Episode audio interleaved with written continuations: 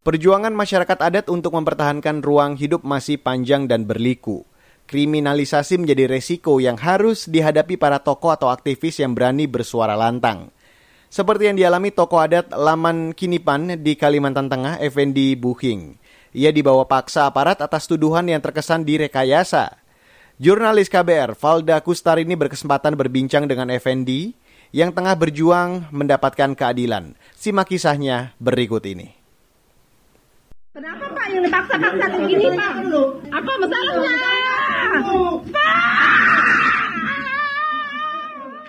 Ini adalah cuplikan detik-detik Ketua Komunitas Adat Laman Kinipan, Effendi Buhing, dibawa paksa aparat. Segerombolan polisi bersenjata lengkap dengan mengendarai lima mobil mendatangi rumah Buhing di Desa Kinipan, Kalimantan Tengah 26 Agustus lalu.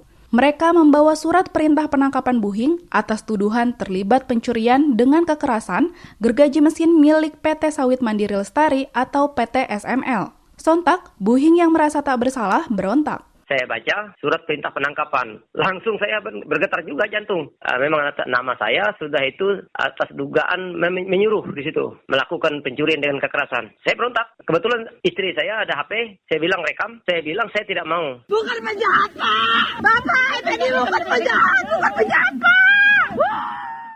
Buhing yakin tuduhan terhadapnya merupakan rekayasa dan bentuk kriminalisasi. Hal ini terkait aktivitasnya menolak keberadaan perusahaan sawit di tanah adat Kinipan selama bertahun-tahun. Video penangkapan Buhing kemudian viral di jagat media sosial dan menyulut kecaman warganet. Desakan pembebasan Buhing pun bergema lewat tagar Save Kinipan di Twitter. Tak sampai 24 jam, kepolisian Kota Waringin Barat mencabut status tersangka Buhing dan membebaskannya. Pengakuan Buhing dibantah oleh Kapolres Lamandau Titis Bangun. Ia mengklaim Penangkapan awalnya akan dilakukan dengan cara persuasif, namun pihak keluarga dan warga menghalangi proses penangkapan tersebut sehingga dilakukan upaya paksa. Menteri Koordinator Politik Hukum dan Keamanan Mahfud MD ikut angkat bicara. Melalui akun media sosialnya, Mahfud menyebut penangkapan Buhing tak terkait dengan pencaplokan tanah adat. Ia pun mengunggah video pengakuan Buhing yang mendukung pernyataan itu. Berkaitan dengan uh, masalah kemarin ada diskomunikasi sedikit dan saya, saat ini saya diperlakukan dengan baik. Yang bisa ngopi-ngopi kasih makan. Ya jadi tidak ada kesan yang artinya uh, yang menakutkan atau misalnya katanya digebukin ataupun tidak ada. Sekali kata-kata kasar pun tidak ada. Buhing memberikan klarifikasi. Menurutnya, video testimoni itu dibuat atas permintaan polisi saat ia masih ditahan. Saya sudah siang ya, itu sudah jam 2 siang. Saya sudah menandatangani surat pelepasan sebagai tersangka. Saya sudah menandatangani berita acara sebagai saksi. Akhirnya saya diminta oleh Polda Pak Wayan itu tadi. Meminta saya untuk membuat testimoni yang harus menyejukkan. Artinya tidak memperkeruh suasana. Buhing mengaku memang ada insiden perampasan gergaji mesin PT SML yang dilakukan beberapa masyarakat adat. Hal itu sebagai bentuk penolakan warga atas perluasan kebun sawit membabat hutan adat mereka. Pria 51 tahun ini menampik jika tindakan itu adalah dikategorikan pencurian dengan kekerasan. Ada laporan itu pencurian dengan kekerasan. Sebenarnya tidak ada. Kita kalau mencuri kan namanya kan sembunyi-sembunyi ya. Nah, dengan kekerasan kan kita kan arti memukul ataupun mengancam dan sebagainya itu tidak. Kita anak-anak kan katanya mereka saya pun tidak lihat. Kata anak-anak datang baik-baik supaya mereka tidak kerja, barang ini diamankan. Nah, dan ada di lokasi sampai saat ini. Sengketa dengan perusahaan sawit sudah terjadi sejak 2015. Masyarakat sudah sejak awal terang-terangan menolak karena keberadaan perusahaan menggerus ruang hidup mereka dan merusak lingkungan.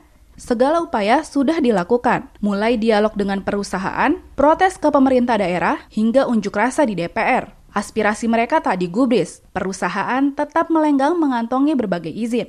Dari 2018 menyurat, mendatangi perusahaan. Kita datangi, mereka bilang, musyawarah dulu. Kita sepakat dulu apa yang harus kita sepakati. Sudah itu kita lapor dengan DPR. Kita lapor dengan Bupati, Gubernur, sampai dengan pemerintah pusat. Juga tidak ada tanggapan. Nah, terakhir kita demo demo di DPR. Mereka kan hanya menampung. Sudah itu terakhir juga 2020 bulan 2 itu kita demo kantor bupati. Uh, juga sama, tidak ada tanggapan.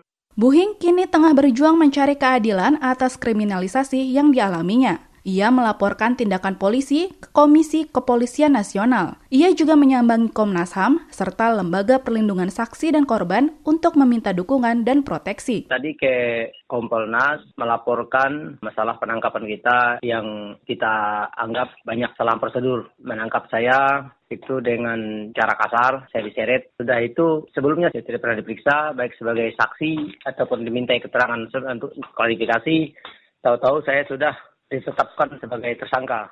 Tak selesai sampai di situ, Buhing selanjutnya bakal mendatangi Kementerian Lingkungan Hidup dan Kehutanan untuk meminta pengakuan wilayah adat Kinipan. Status itu dibutuhkan agar warga bisa mempertahankan wilayahnya. Kalau sempat ini mau ke KLHK, mendesak bahwa mohon pengakuan wilayah adat itu supaya legalitas formal yang diakui oleh pemerintah, supaya mereka juga menghormati, menghargai wilayah adat kita sesuai amanah undang-undang. Demikian laporan khas KBR, saya Walda Kustarini.